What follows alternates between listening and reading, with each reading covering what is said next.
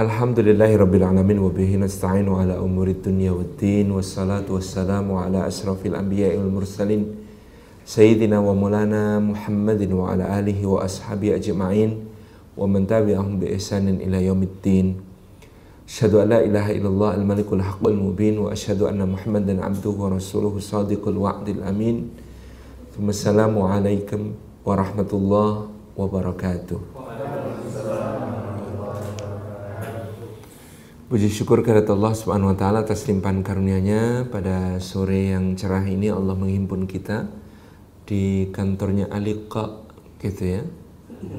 Nah, harus dibaca secara cilacap ya Aliqa ya. Pakainya nyeklu. Dan alhamdulillah rabbil alamin sebuah silatil arham, silatil ukhuwah. Uh, saya mengantarkan Mas Alfredo Pak Eko, Pak Bagus dan Pak Fani hari ini uh, juga Mas Faris untuk bisa ta'aruf saling kenal dengan teman-teman di Alika. Sebuah nikmat dari Allah Subhanahu wa taala perjalanan lancar dan sampai di sini juga disambut dengan menduan.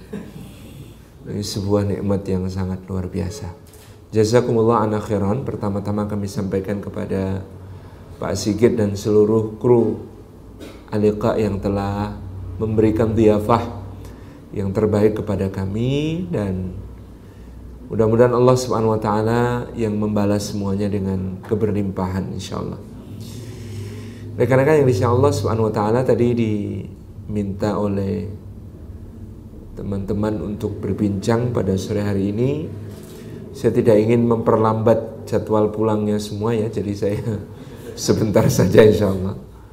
Ini teman-teman diminta khusus membahas perkara yang penting dalam kehidupan kita. Penting meskipun bukan segala-galanya. Ini yang sudah menikah yang mana? Tunjuk tangan. Satu, dua, tiga. Yang lain belum semua? Alhamdulillah. Oke. Ada yang mau? Kalau mau itu temennya Agnes ya. Agnes mau nikah. Ini sebuah hal yang agung sebagai ibadah di sisi Allah Subhanahu wa taala. Karena pernikahan itu berkahnya akan dirasakan oleh pelakunya sebanding dengan bagaimana dia mempermuliakan pernikahan itu, mensakralkan, mengagungkan pernikahan itu sendiri. Sehingga Allah Subhanahu wa taala memulai ayat tentang kehidupan rumah tangga dengan kata-kata wa min ayatihi di antara tanda-tanda kebesaran Allah bahwasanya Allah itu an khalaqalakum min anfusikum azwaja. Dia menciptakan ada pasangan dari diri-diri kalian untuk kalian sendiri. Jadi karena dia adalah tanda kebesaran Allah Subhanahu wa taala, gitu ya. Keberkahan yang akan kita raih dalam kehidupan pernikahan itu sebanding dengan bagaimana hati kita menyikapi pernikahan. Maka untuk menuju ke pernikahan yang pertama kita siapkan adalah hati kita, ruhani kita. Semakin tinggi pengagungan kita, pemuliaan kita, maka semakin besar barokah yang akan kita rasakan. Wa min ayatihi inilah tanda kebesaran Allah yang tidak kalah besar dari penciptaan langit dan bumi, dari silih bergantinya malam dan siang, dari pengisaran angin, awan dan hujan, dari penciptaan manusia dari seorang bapak Darinya diciptakan istrinya kemudian berkembang menjadi begitu banyak bangsa dan suku, berbeda warna kulit, berbeda bahasa. Tanda-tanda kebesaran itu juga adalah bahwa Allah menciptakan pasangan. Nah, kalau Allah menciptakan bagi kita pasangan, kita pengen jodohnya itu bukan cuma seumur hidup, tapi sampai ke surganya Allah Subhanahu Wa. Maka relationship goal itu dalam Al-Quran adalah Qila dakhulul jannah antum wa azwajukum tuhbarun. Dikatakan masuklah ke dalam surga, kamu dan istrimu digembirakan oleh Allah Subhanahu taala. Itu relationship goalnya. family goal itu kita ingin membangun keluarga itu family goalsnya adalah walladzina amanu wa taba'athum dzurriyyatuhum biiman alhaqna bihim dzurriyyatahum orang beriman lalu anak cucunya mengikuti dalam keimanan maka Allah akan himpunkan mereka bersama anak cucu dan juga bapak-bapaknya di dalam surga yang sama jadi ada satu hadis yang membuat kita itu masya Allah melihat betapa pemurahnya Allah Taala ada seorang hamba masuk surga. Kemudian ketika sudah berada dalam surga dia bertanya, Ya Allah, di manakah anak keturunanku dan juga bapak-bapakku dan juga istriku? Allah berfirman kepadanya, mereka tingkat kedudukannya karena amalnya itu lebih rendah daripada kamu. Maka orang ini akan menjawab, Ya Rabbi, aku ini dulu beramal di dunia untukku tapi juga untuk mereka gitu. Maka Allah Subhanahu wa taala berfirman kepadanya Kalau begitu himpunkan keluarganya bersama dia. Jadi Masya Allah ya kita ini nanti akan menempati kedudukan surga bukan cuma level yang mampu kita raih tapi level di mana garis keturunan kita terbaik meraih itu akan dihimpunkan di situ. Walladzina amanu wa taba'athum dzurriyyatuhum biiman alhaqna bihim dzurriyyatahum. Orang beriman lalu anak cucunya mengikuti dalam keimanan maka mereka dihimpun seluruh garis keturunannya bapak-bapak sampai anak cucunya semuanya di dalam surga. Masya Allah. Jadi ini yang harus kemudian menjadi pengagungan kita pertama terhadap pernikahan adalah dia wasilah bagi kita untuk sambung sinambung di dalam surga. Masuk surga itu seneng, tetapi masuk surga bersama orang-orang yang kita cintai itu lebih senang lagi. Karena kata Abdullah bin Mas'ud, kesempurnaan kebahagiaan itu menikmati kebahagiaan bersama orang-orang yang kita cintai. Masuk surga tapi sendirian itu rasanya tidak sempurna. Masuk surga bareng-bareng itulah yang yang terasa sempurna. Tapi jangan khawatir bahwa kemuliaan pribadi seseorang itu tidak tergantung dia jadi istrinya siapa atau jadi suaminya siapa. Saya kadang-kadang guyonan sama teman-teman akhwat itu saya sampaikan suami soleh itu penting apa enggak? Punya suami soleh itu penting apa enggak kalau teman-teman akhwat? Penting. Nah, sebelum dijawab lagi, di dalam Quran itu ada dua wanita yang disebut sebagai wanita paling mulia. Yang pertama namanya Maryam. Siapa suaminya? Gak ada. Yang kedua namanya Asia. Siapa suaminya? Fir'aun. Soleh nggak? Babar belas.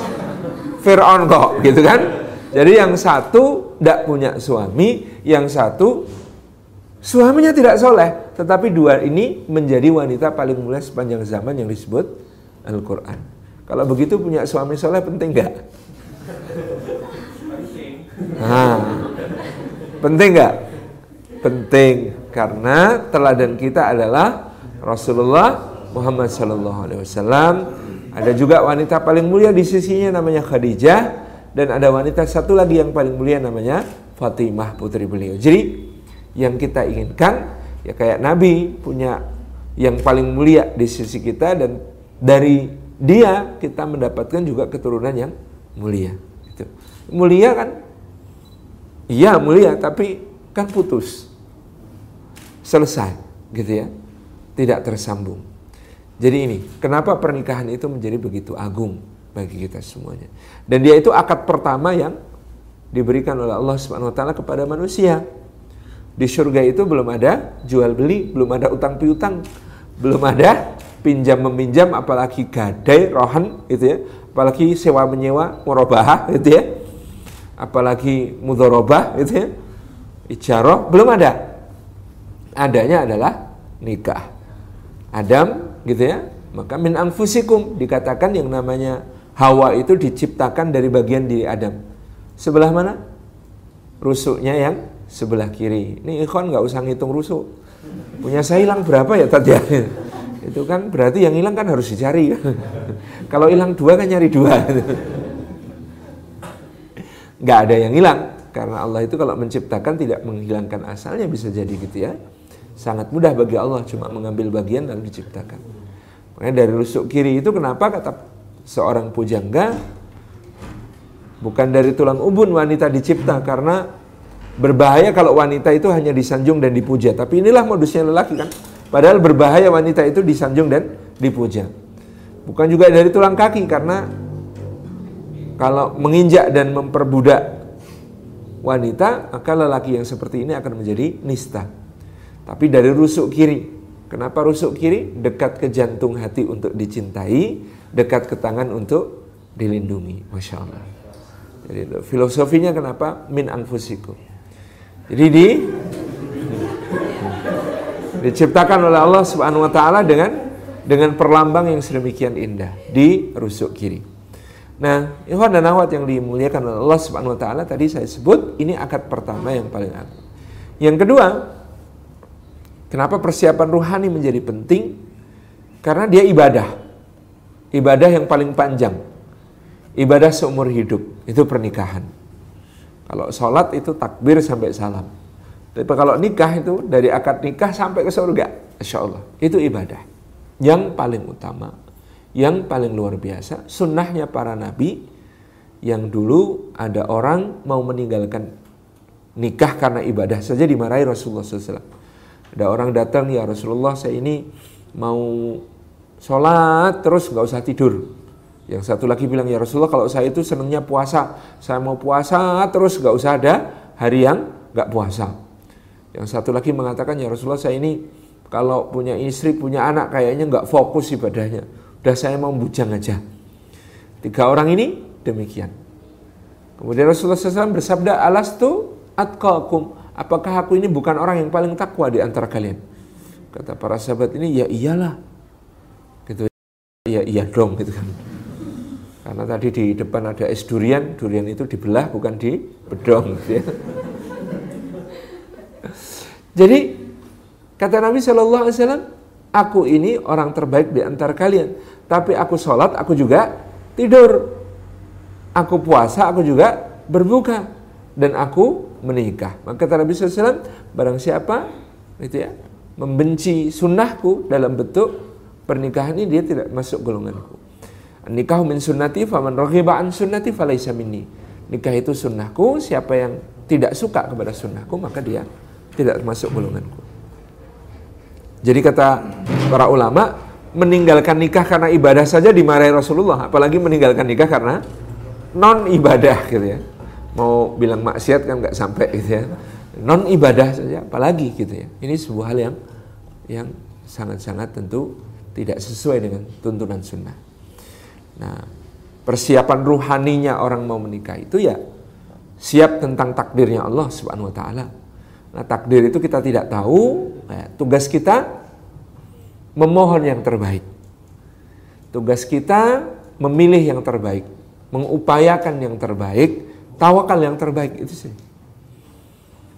Bagaimana caranya gitu ya supaya kita ini bisa memohon yang terbaik, berdoa kepada Allah Subhanahu wa taala minta yang terbaik, mengikhtiarkan yang terbaik. Kalau masih-masih ikhwan biasanya tenang, tenang stok banyak. Di kantor aja lebih banyak yang akhwat itu. Bagaimana dengan yang akhwat misalnya gitu ya? Karena apalagi dalam kultur budaya kita seolah-olah yang punya peluang lebih luas itu laki-laki. Karena kata orang Jawa laki-laki wenang milih wong itu mau menang, nolak gitu ya laki-laki itu berwenang memilih perempuan hanya berwenang menolak atau tidak Uh, menerima atau dua pilihan saja menolak atau menerima. Nah, sebenarnya dalam Islam tidak ada tidak ada apa ikatan demikian.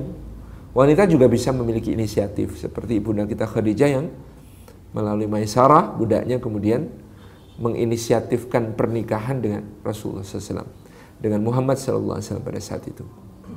Meskipun latar budaya kita tidak pas gitu ya. Nah, kalau begitu latar budaya yang pas yang seperti apa yang dikatakan oleh Eh, para ulama seperti yang dilakukan oleh Umar bin Khattab. Jadi mbak-mbak itu perlu ngasih tahu bapaknya, kakeknya kalau masih ada, kakek buyut ke atas atau ke samping paman, uak, pak dip, pak le gitu ya. Atau ke samping lagi dari kita kakak, abang, kang masek, dinek gitu ya. Gue terus mbak mbak kayune ya ora dudu wali kok.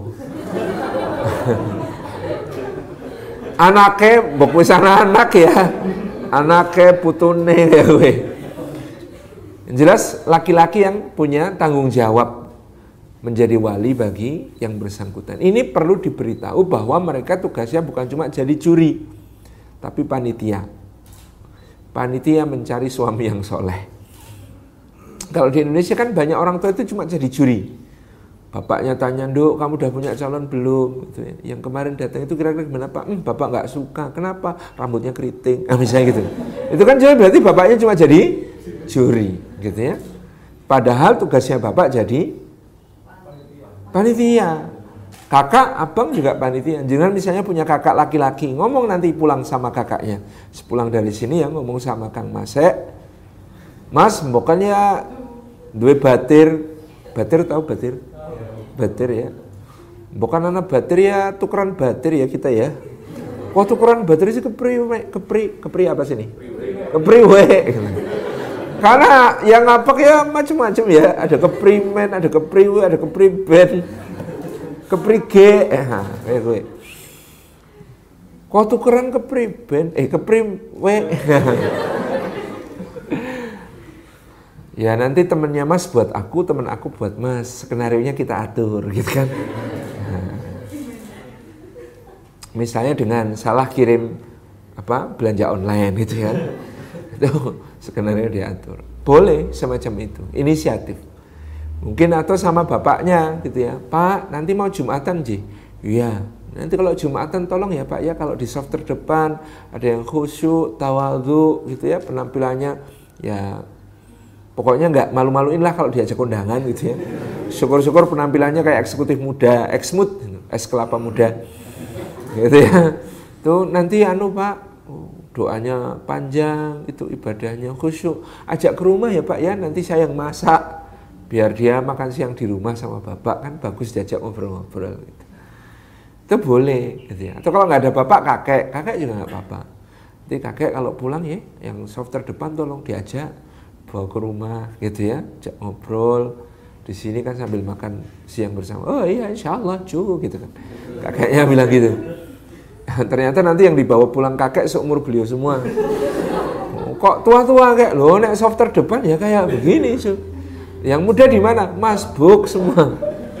Gitu ya. Itu masbuk aja gitu ya. Itu khutbah kedua khotibnya sampai itu ya memulai dengan kata-kata alhamdulillahilladzi ahyana ba'dama amatana wa ilaihin nusyur gitu ya. Karena semuanya bangun tidur khutbah kedua.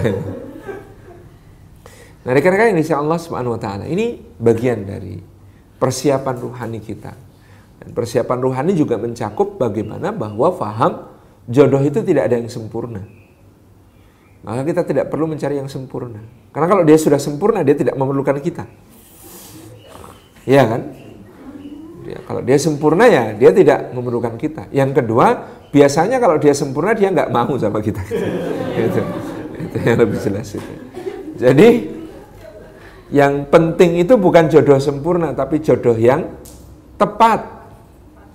Nah, bagaimana mendapatkan jodoh yang tepat? Tadi sudah kita sebutkan, kriterianya harus tepat. Apa kriteria jodoh? Yang ditekankan oleh agama itu cuma satu, ya agama itu sendiri, gitu ya. Maka pada yang laki-laki Rasulullah mengatakan fatfar bidati din taribat yadak. Pilihlah olehmu yang beragama, niscaya engkau beruntung. Kalau kepada bapaknya para perempuan, maka sabda Rasulullah SAW, apabila datang kepadamu seorang lelaki yang kamu ridhoi agama dan akhlaknya. Saya takjub redaksi hadis ini, kamu ridhoi agama dan akhlaknya. Bukan yang baik agama dan akhlaknya. Kenapa nggak cukup baik agama dan akhlaknya? Karena ada yang baik agama dan akhlaknya, tapi kurang diridhoi. Ada bapak anaknya dilamar, itu orangnya itu soleh, ustadz tapi saya ini nek subuhan itu kalau ndak kunut ndak mantep ya. Lah itu calon menantu saya itu belas nggak mau kunut itu. Nah itu berarti agamanya tidak diridhoi gitu ya. Meskipun mungkin akhlaknya diridhoi gitu. Wah ini padahal itu perkara yang furu'iyah sebenarnya nggak ada masalah. Tapi kadang-kadang kan perasaan itu nggak boleh dipaksa. nggak bisa dipaksakan. Itu itu kan soal diridhoi agama dan akhlaknya. Dan memang prakteknya dulu ya, ada orang yang agamanya baik, akhlaknya baik ditolak. Abu Bakar As-Siddiq ngelamar Fatimah ditolak. Umar bin Khattab ngelamar Fatimah ditolak. Kenapa? Karena Nabi Shallallahu Alaihi Wasallam tahu putrinya itu sudah punya nama yang tersimpan dalam hati. Dan itu bukan Abu Bakar, dan itu bukan Umar. Nah, meskipun Umar dan Abu Bakar ini baik agama dan akhlaknya, tapi sebagai orang tua dia harus memperhatikan hati putrinya. Eh, anaknya itu yang ada dalam hatinya itu namanya Ali bin Abi Thalib kok. Ya harus diprioritaskan yang kemudian menjadi apa yang ada di hati putrinya. Itu. Jadi kalau jenengan jadi ikhwan kalau ngelamar jangan ngancem pakai hadis ini. Kalau Rasulullah SAW bersabda, apabila datang kepadamu seorang lelaki yang kamu ridhoi agama dan akhlaknya, kamu tidak nikahkan dengan putrimu, maka akan terjadi fitnah yang besar di muka bumi. Gitu. Nah, kalau ada yang lamar kok ngancemnya pakai pakai hadis ini berarti agama dan akhlaknya tidak diridhoi. Gitu. Tidak perlu diperhatikan ancamannya. Ternyata pada dasarnya bisa jadi orang soleh itu juga bisa ditolak. Sayyidina Umar bin Khattab itu ngelamar Ummu Kulsum binti Abi Bakar As-Siddiq. Itu ditolak. Waktu itu Aisyah berpandangan ini nggak cocok ini. Umar ini orangnya dari keluarga yang keras, dari keluarga yang wataknya cadas gitu ya. Sementara keluarga Abu Bakar itu terlalu lembut, apalagi adiknya Aisyah yang namanya Ummu Kulsum binti Abi Bakar. Wah itu kalau Umar bentak sekali adiknya bisa nggak makan tiga hari itu. Dikhawatirkan begitu. Maka Aisyah membelokkan Sayyidina Umar. Wahai Amirul Mukminin kata Aisyah, kenapa menyambung keluarga engkau dengan Abu Bakar? Nanggung. Sekalian kalau nyambung kekeluargaan dengan kekeluargaan yang tidak akan putus di akhirat. Apa itu? Ya keluarganya Nabi lah. Oh gimana caranya? Kamu kan kemarin lamarnya Ummu Kulsum binti Abi Bakar. Padahal ada Ummu Kulsum binti Ali bin Abi Thalib. Itu juga nggak kalah solihah. Kenapa enggak?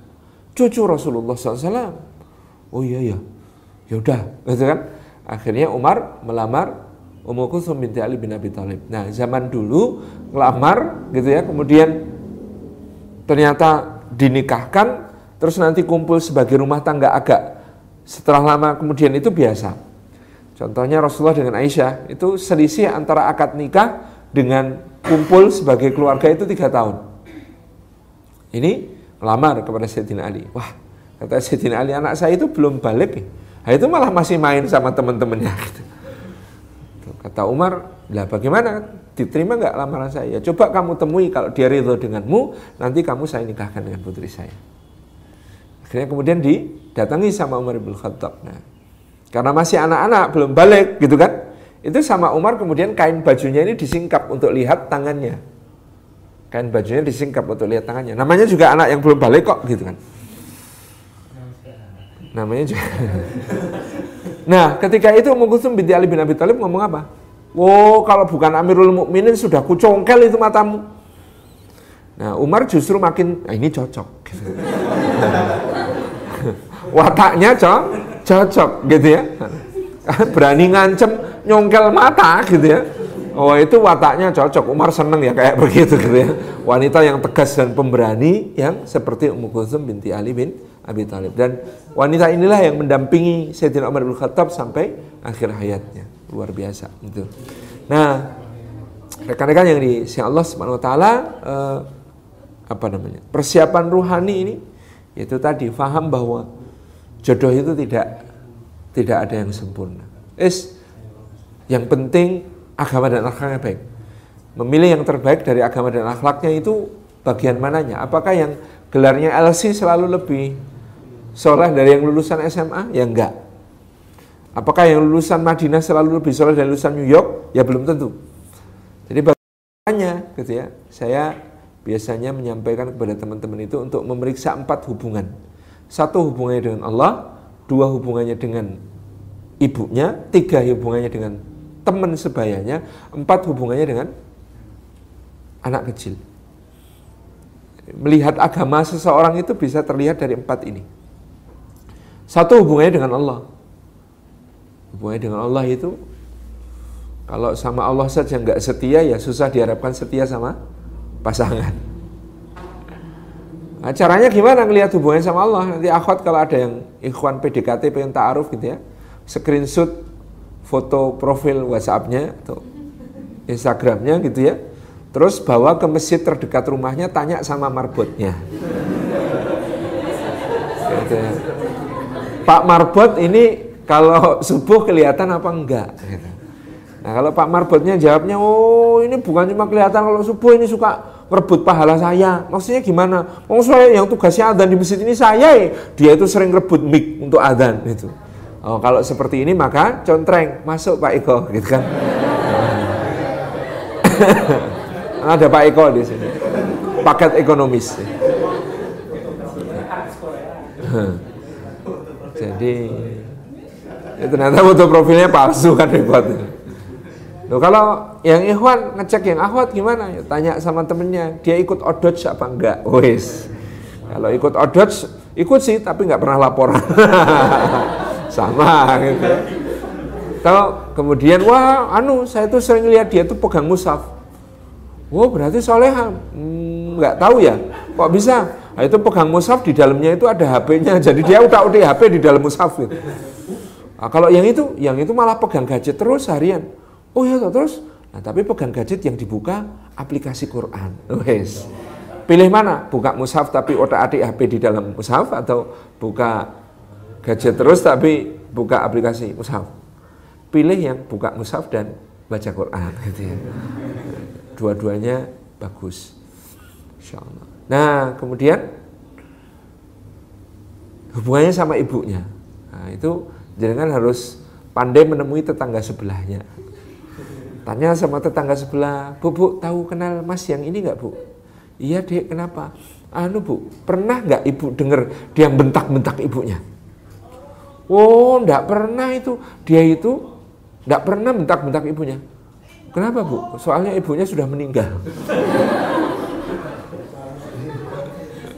Nggak, maksudnya nggak pernah nggak pernah dia itu kalau pagi pamit kuliah pamit kerja itu mm, nyium tangan ibunya lama sama ibunya kepalanya dielus-elus terus didoakan. Terus dia itu kalau pergi dari rumah itu ya berangkat itu keluar pagar itu sampai keluar pagar sampai nggak kelihatan badannya itu dia nggak pernah jalan maju jalannya mundur. Soalnya dada-dada sama ibunya.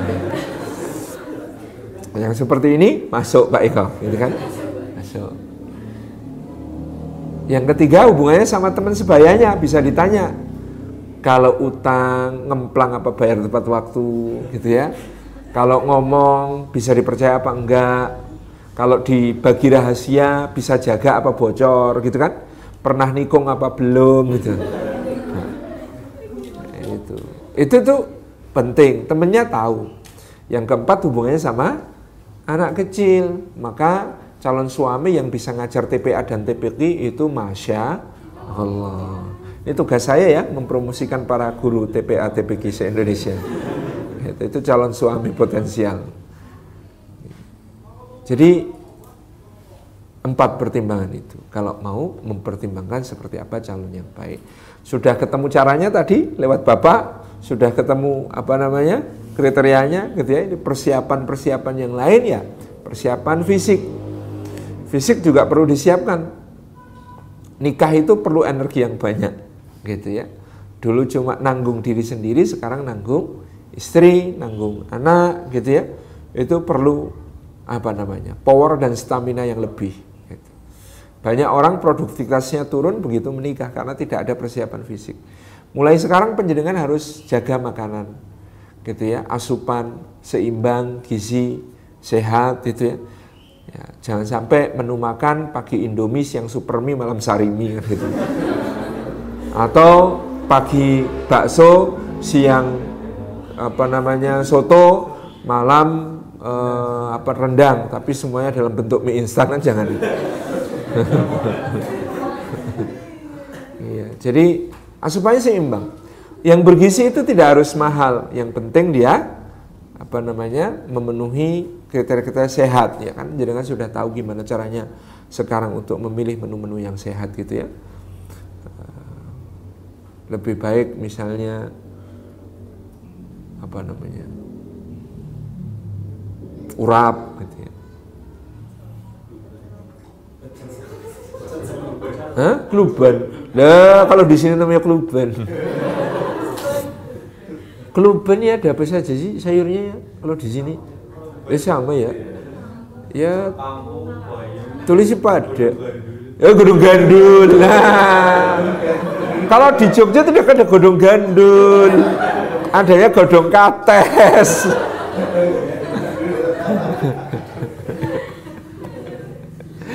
Nah, godong gandul ya sehat. Apa mending ya? Genjer bukan anak genjer ya? Hah? Apa kue? Bahasa kene ya? Glendot? Hah? Jendot? Eh, hah? Gendot? Elek temen gendot. ya pokoknya kayak kue lah, gitu ya. Sehat, ada Ya yang jelas harus ada serat, ada protein, ada vitamin ya we. Jangan terlalu banyak apa namanya gula. Jangan terlalu banyak uh, yang apa? Micin. Micin itu miskin cinta. miskin cinta.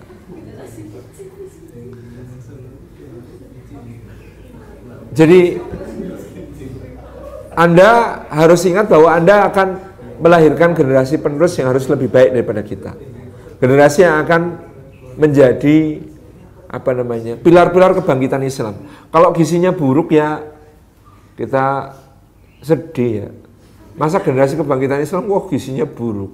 Gara-gara ibunya suka ngemil, tidak sehat. Gitu. Ya meskipun ini mendoan ya makanan agak sehat ya. tempenya sehat, gorengnya yang tidak sehat gitu ya. Padahal kalau kita buka puasa ya, kurma itu sunnah, gorengan itu wajib. itu, itu ajarannya Mas Fredo kepada saya. Ya saya samina watok. Nah, nah yang ikhwan juga begitu. Kalau ada penyakit-penyakit yang perlu disembuhkan, sembuhkan sejak sekarang. Apalagi yang menular, Contohnya panu. Jangan sampai menikah nularin istri gitu kan. kan tragis itu. Kalau ikhwan salah satu yang diwaspadai gondongan, Mas. Gondongan tahu? Hah? Gondongan. Gandongan. Yang sini bengkak. Ah, parotitis. Ah, beda beda gondok, beda maning, beda maning. Bukan yang gondok, kalau gondok itu uh, karena kurang yodium itu ya. Ini bukan, ini yang virus. Uh, yang uh, kalau gondok agak di bawah belendungnya. Ini di ini sebelah sini, gondongan. Dia demam terus bengkak beberapa hari, tidak lama. Tapi bahayanya adalah virus gondongan ini kalau tidak ditangani dengan baik, daya tahan tubuh kita kurang, dia turunnya ke ke sistem reproduksi pria. Banyak yang gangguan reproduksi setelah menikah ternyata riwayatnya dulu gondongannya parah gitu ya karena virus.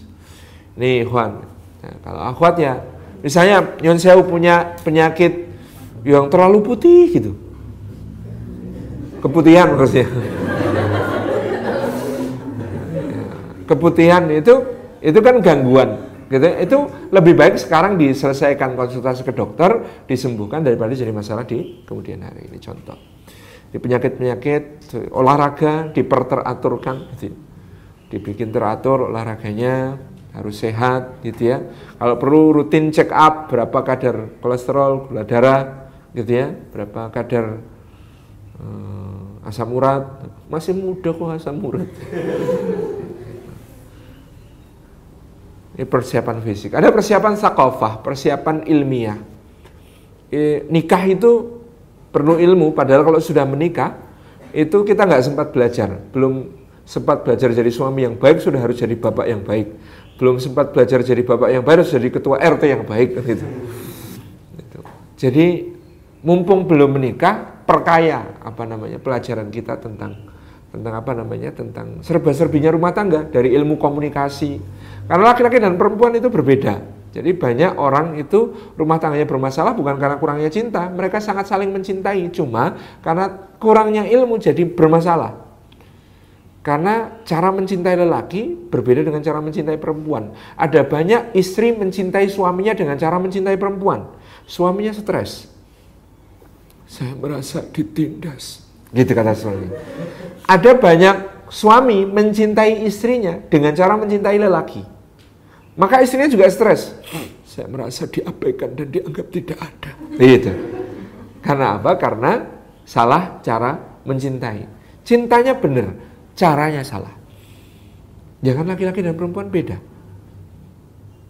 Antum masih dulu di sekolah ingat kalau ada temen cewek yang satu lagi ada masalah curhat sama temennya duduk di tangga sekolah atau tangga kampus gitu ya duduk berdua kepalanya diletakkan di pundak tangannya saling menggenggam nangis bareng itu kalau dua akhwat kan wajar ya kalau dua iwan kan serem gitu jadi berbeda, berbeda sekali konteksnya laki-laki dan perempuan. Maka cara mencintai lelaki berbeda dengan cara mencintai perempuan. Itu harus ada ilmunya. Demikian pula dalam menghadapi masalah, level amannya laki-laki dan perempuan kan berbeda. Yang bagi laki-laki sudah biasa, bagi perempuan bisa menjadi masalah besar. Cara menghadapi masalah kan juga beda. Cara berpikirnya kan berbeda. Laki-laki itu kalau berpikir kayak obat nyamuk muter ke dalam, fokus. Perempuan itu kalau berpikir kayak obat nyamuk muter keluar, korelatif. Jadi kalau rapat itu kan nggak nyambung ya. Padahal harusnya karena satu keluar satu ke dalam itu nyambung, ketemu di tengah kan harusnya. Tapi kadang-kadang nggak nyambung karena yang yang cowok ngomongnya. Oh, coba ya, sekarang kita fokus dulu, jangan melebar ke mana-mana kita fokus pada masalah yang ini dulu, kita sederhanakan masalahnya supaya kita bisa merumuskan solusi. Jangan melebar ke mana-mana, oke? Ini lagi bahas ini loh. Ini laki-laki. Perempuannya bilang apa? Jangan suka mensederhanakan masalah, mas ini semua ada hubungannya, dengerin dulu ceritaku ya. Gitu. Jadi cara cara berpikirnya saja berbeda. Nah, cara menghadapi masalah juga beda. Laki-laki itu kalau punya masalah, dia menyendiri berkontemplasi, merumuskan solusi. Semakin sedikit yang tahu, semakin baik. Karena masalah tidak akan melebar ke mana-mana. Bagi perempuan kalau ada masalah, sharing is caring, gitu ya. Curhat, ngobrol, menyampaikan isi hati, perasaan, sampai kemudian dimengerti, difahami. Kalau perlu nangis bareng sampai plong, gitu kan? merasa sefrekuensi, itu fokusnya. Solusi nomor dua. Nomor satu yang penting kita sefrekuensi dulu menghadapi masalah, gitu kan. Bagi laki-laki solusi nomor satu, kamu paham nggak paham, yang penting masalahnya rampung. Daripada kamu dadak jelasin ke kamu lamaan, gitu ya, masalahnya nggak selesai-selesai, gitu. Jadi fokusnya beda. Nah itu kan harus diharmonikan, harus dipertemukan sampai hal-hal yang paling pribadi. Itu kan sifatnya beda. Syahwatnya laki-laki itu kayak gunung mau meletus, syahwatnya perempuan itu kayak mendaki gunung, ada lagunya. Naik-naik ke puncak gunung tinggi-tinggi sekali. Kiri kanan kulihat saja banyak pohon cemara gitu. Jadi bagi laki-laki semakin segera ditunaikan semakin lega plong. Bagi perempuan yang dinikmati adalah proses, bukan bukan hasil. Jadi berbeda. Ya. Harus paham. Nah, belum meletus. Makanya hadisnya untuk ibu-ibu itu beda dengan hadis untuk bapak-bapak. Hadis untuk ibu-ibu itu kalau suami mengajak segera penuhi meskipun sedang memanggang roti. Jadi rotinya gosong, ovennya jeblok ben. Karena ada yang lebih penting. Gitu ya, karena gurungnya mau meletus gitu ya. Darurat itu gitu kan, darurat. Tapi hadis untuk bapak-bapak sebaliknya. Jangan to the point, harus ada rasul, harus ada mukodimah, gitu kan? Itu yang yang kemudian menjadikan harmoni, gitu. Nah, ini persiapan persiapan ilmu. Jadi apalagi nanti tambah ilmu untuk jadi bapak, untuk jadi ibu yang baik. Itu kan perlu begitu banyak pemahaman dan pengetahuan menghadapi seperti apa anak, gitu ya. Seperti apa anak kita nanti. Bahkan yang anaknya sudah banyak pun harus tetap belajar di setiap anak karena setiap anak itu berbeda gitu kan ini pelajaran yang tidak pernah berhenti seumur hidup. Makanya selama masih ada kesempatan untuk belajar, belajar sejak sekarang. Ilmu tentang parenting, dasar-dasar umumnya, kaidah-kaidah pentingnya, komunikasi dengan lawan jenis, dengan suami, seperti apa gitu ya. Ini penting untuk dikuasai. Terakhir persiapan uh, sosial dan finansial. Persiapan sosial itu, nah kita ini nanti begitu menikah akan menjadi anggota masyarakat, gitu ya. Kita tidak cukup hanya menjadi seorang pribadi, tetapi bagaimana kemudian di tengah masyarakat bisa memberikan apa namanya nilai tambah yang positif. Nilai tambah yang positif di tengah masyarakat.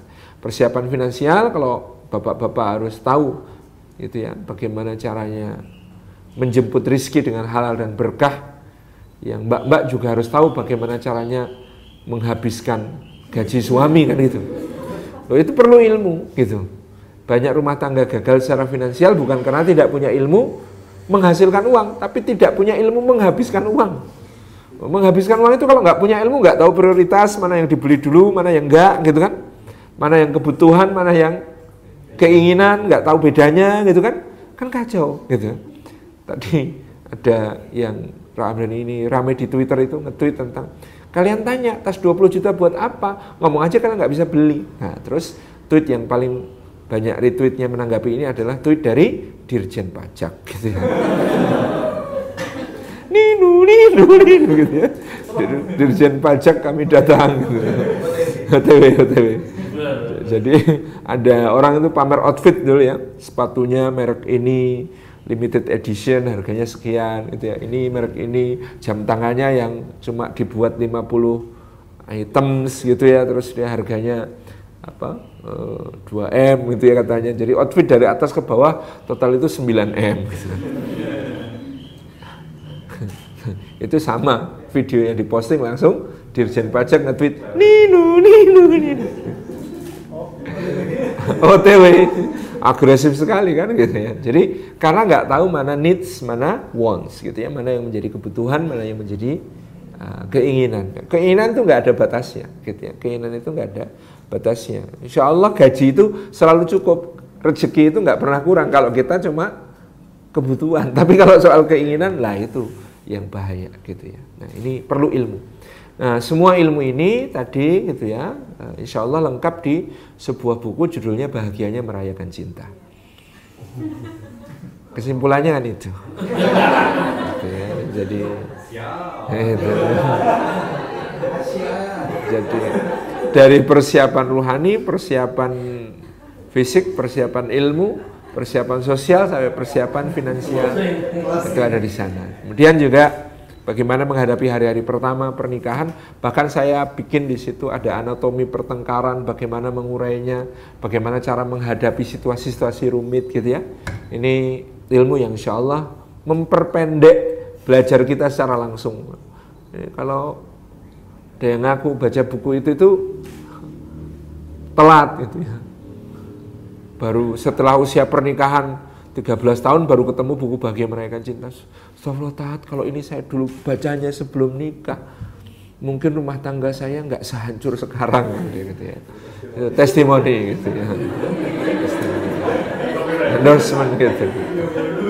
Ya, jadi katanya tadi bingung nyari copywritingnya. Copywriting yang bagus itu ya yang agak ada nakal-nakalnya gitu ya. Misalnya jangan berani-berani masuk kamar di malam pertama sebelum baca buku ini kan gitu. Yang gitu. gitu, gitu. Saya kira begitu eh, teman-teman sekalian. Saya berdoa mudah-mudahan Allah memberikan berkahnya di Alika dan seluruh krunya Insya Allah semuanya dikaruniai pasangan yang solih dan solihah Insya Allah dikaruniai keluarga yang barokah, sakinah, mawaddah, warahmah Insya Allah Dan mudah-mudahan Allah subhanahu wa ta'ala melalui pertemuan kita ini Jadikan sebagai sebuah apa namanya kesaksian bumi tempat kita duduk ini agar kelak kita semuanya insya Allah bertetangga di surga. Amin. Assalamualaikum warahmatullahi wabarakatuh.